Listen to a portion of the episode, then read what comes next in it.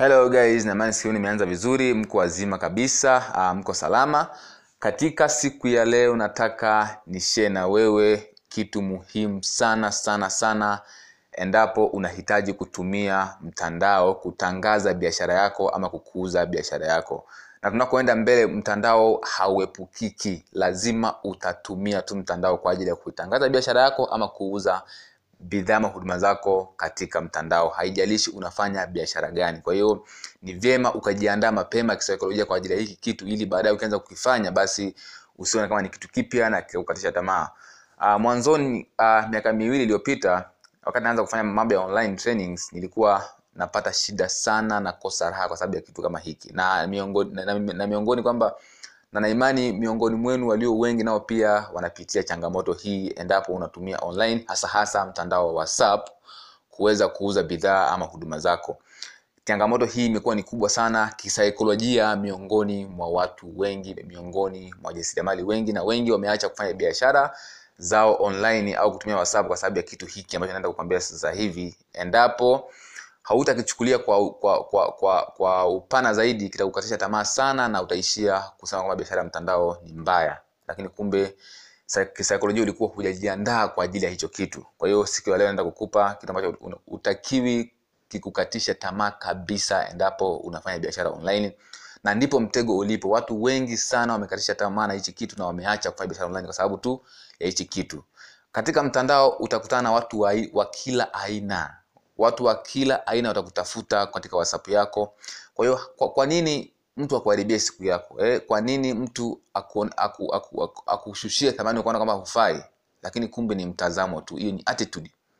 Kwa sababu uh, tukio linakuwa kubwa jinsi unavyolipokea ukilipokea kwa ukubwa linakuwa kubwa. Ukilipuuza linakuwa dogo. Kwa hiyo leo nataka nikwambie kitu kimoja ambacho kisikukatisha tamaa kabisa na puuza kabisa na wala usikipe usi, usikipe hata sekunde moja kukiwaza endapo kitakutokea kama unafanya biashara online kwa kupitia hasa hasa kupitia mtandao wa whatsapp group.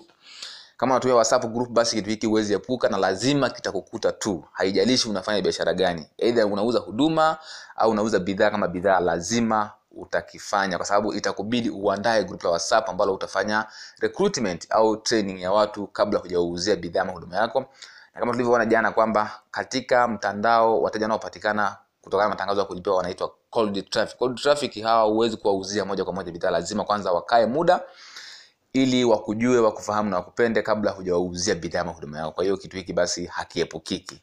Kitu chenyewe ni kwamba wale wateja au watu wanaoingia na kuleft katika magrupu.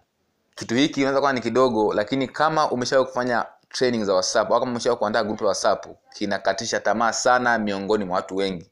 Na wengi wanaacha kufanya biashara kwa sababu ya kitu hiki na kuona kwamba labda biashara zao ni mbaya ama hawafanyi vizuri. Lakini kumbe hutakiwi kuchukulia personal kabisa endapo mtu ataleft katika grupu lako la mafunzo ama grupu la kuuza bidhaa huduma zako. Kwa sababu huyo mtu amejidhihirisha kwamba sio mteja wako. In fact anatakiwa ufurahi kwa sababu amekuonesha mapema kwamba sio mteja wako aje kupotezea muda you see mimi mwanzoni mtu alikuwa akilefti napata shida naumia. Kwa nini mtu ana left? Yani nafundisha vitu vya muhimu. Kwa nini mtu ana left? Yani inaniuma. Kwa nini? Why?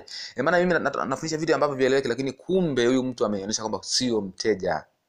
Sio mteja wangu yule. Hata kama nikikaa naye mwaka mzima nikitangaza bidhaa yangu hawezi akanunua. Kwa hiyo watu wanao left kwenye magrupu wasikukatishe tamaa you see? Usichukulie personal. Acha waondoke na wala usimwaze kabisa ila focus yako kubwa hiyo ni kuingiza watu wapya kila siku na kukaa na wale ambao watabaki na wewe ndio wateja wako wale. You see? Kwa hiyo focus hiyo kwenye wale waliobaki kwenye group sio walioondoka. Watu wengi sana wamekatishwa tamaa na watu ambao wana, wana left wana mpaka wanafuata inbox wanaambia asha kwa nini umeleft you see? Sasa hiyo ni tatizo kwa sababu huyo mtu hakusaidii chochote na wala hana msaada na wewe kabisa. Achana nani na wala usimuwaze kabisa na wala usipoteze muda wa kumtafuta huyo kasha left sio listi yako tena sio mteja wako tena hakuhusu tena. Hata kutaka kumpa bidhaa yako bure hachukui. Kwa hiyo haina haja ya kumpotezea muda na wala kupoteza muda wako wa kuweza kumfuatilia. Achana naye. Focus yako iwe kwa wale watu waliobaki katika listi yako au katika jukwaa lako. Edha ni group la whatsapp ama ni, ama ni telegram au ni email marketing. Wote wale wana, wana, wana waliobaki ndio unatakiwa ubaki nao kwa sababu wamejiqualify kuwa ni watu ambao wanahitaji msaada wako you see? Unaweza kuona ni kitu kidogo hichi lakini trust me kina kinawasumbua kina watu wengi sana wanifuata inbox. Sasa brother maana mimi naandaa group watu na left kwa nini? Watu wanatoka wengi. Na nikawaambia hawa walio left achana nao. Hao sio wateja wako. Sio kila mtu ni mteja wako endapo uta, utauza bidhaa ama huduma. Waliobaki ndio nitakuwa dili nao kwa sababu wale ndio wata- watakayenunua bidhaa huduma yako. Kwa hiyo dili na wale waliobaki. Wale walioondoka let them go. Kabisa. Usidili nao kabisa.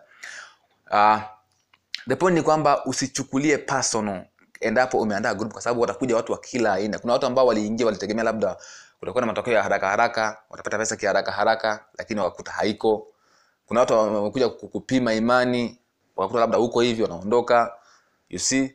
Kuna wengi ni washindani wako wataka waona unafanya kitu gani wakishaona wanaondoka. Kwa hiyo kuna watu wa aina nyingi watakuja kwenye grupu wa aina mbalimbali. Kwa hiyo wewe focus kwenye kudeliver focus kwenye kutoa uthamani focus kwenye kuwapa watu vitu ambavyo umewaitia kwenye grupu baki na wale watu ambao wamebaki kwenye grupu sio walioondoka. Focus na kuingiza watu wapya watu wapya kila siku. Kwa mfano kama sisi mimi zamani uh, nilikuwa na- sasa hivi na magrupu karibia kumi. Kila siku naingiza watu wapya. Kwa hiyo mtu akileft hata sipaza hata muda wa kumwaza na hata simfikiri na hata simjui you see? Kwa hiyo na, na focus na watu, na watu wapya kila siku naingiza uh, watu wapya ambao wanapata wanahitaji huduma yangu na wale wapya ambao wamebaki kwenye group ndio nao focus nao. Wale wanao left achana nao let them go. Kwa hiyo target yako kubwa iwe ni watu waliobaki na watu na watu wapya ambao unategemea kuwapata.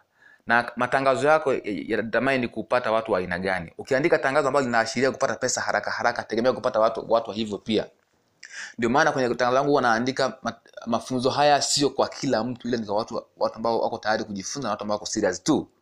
You see? Kwa hiyo tangazo langu huwa lina qualify baadhi ya watu kabisa. Mtu akiona ah, hapa ni usu haji lakini ukiandika tangazo ambalo linaashiria kupata pesa haraka haraka watakuja watu ambao hawaeleweki.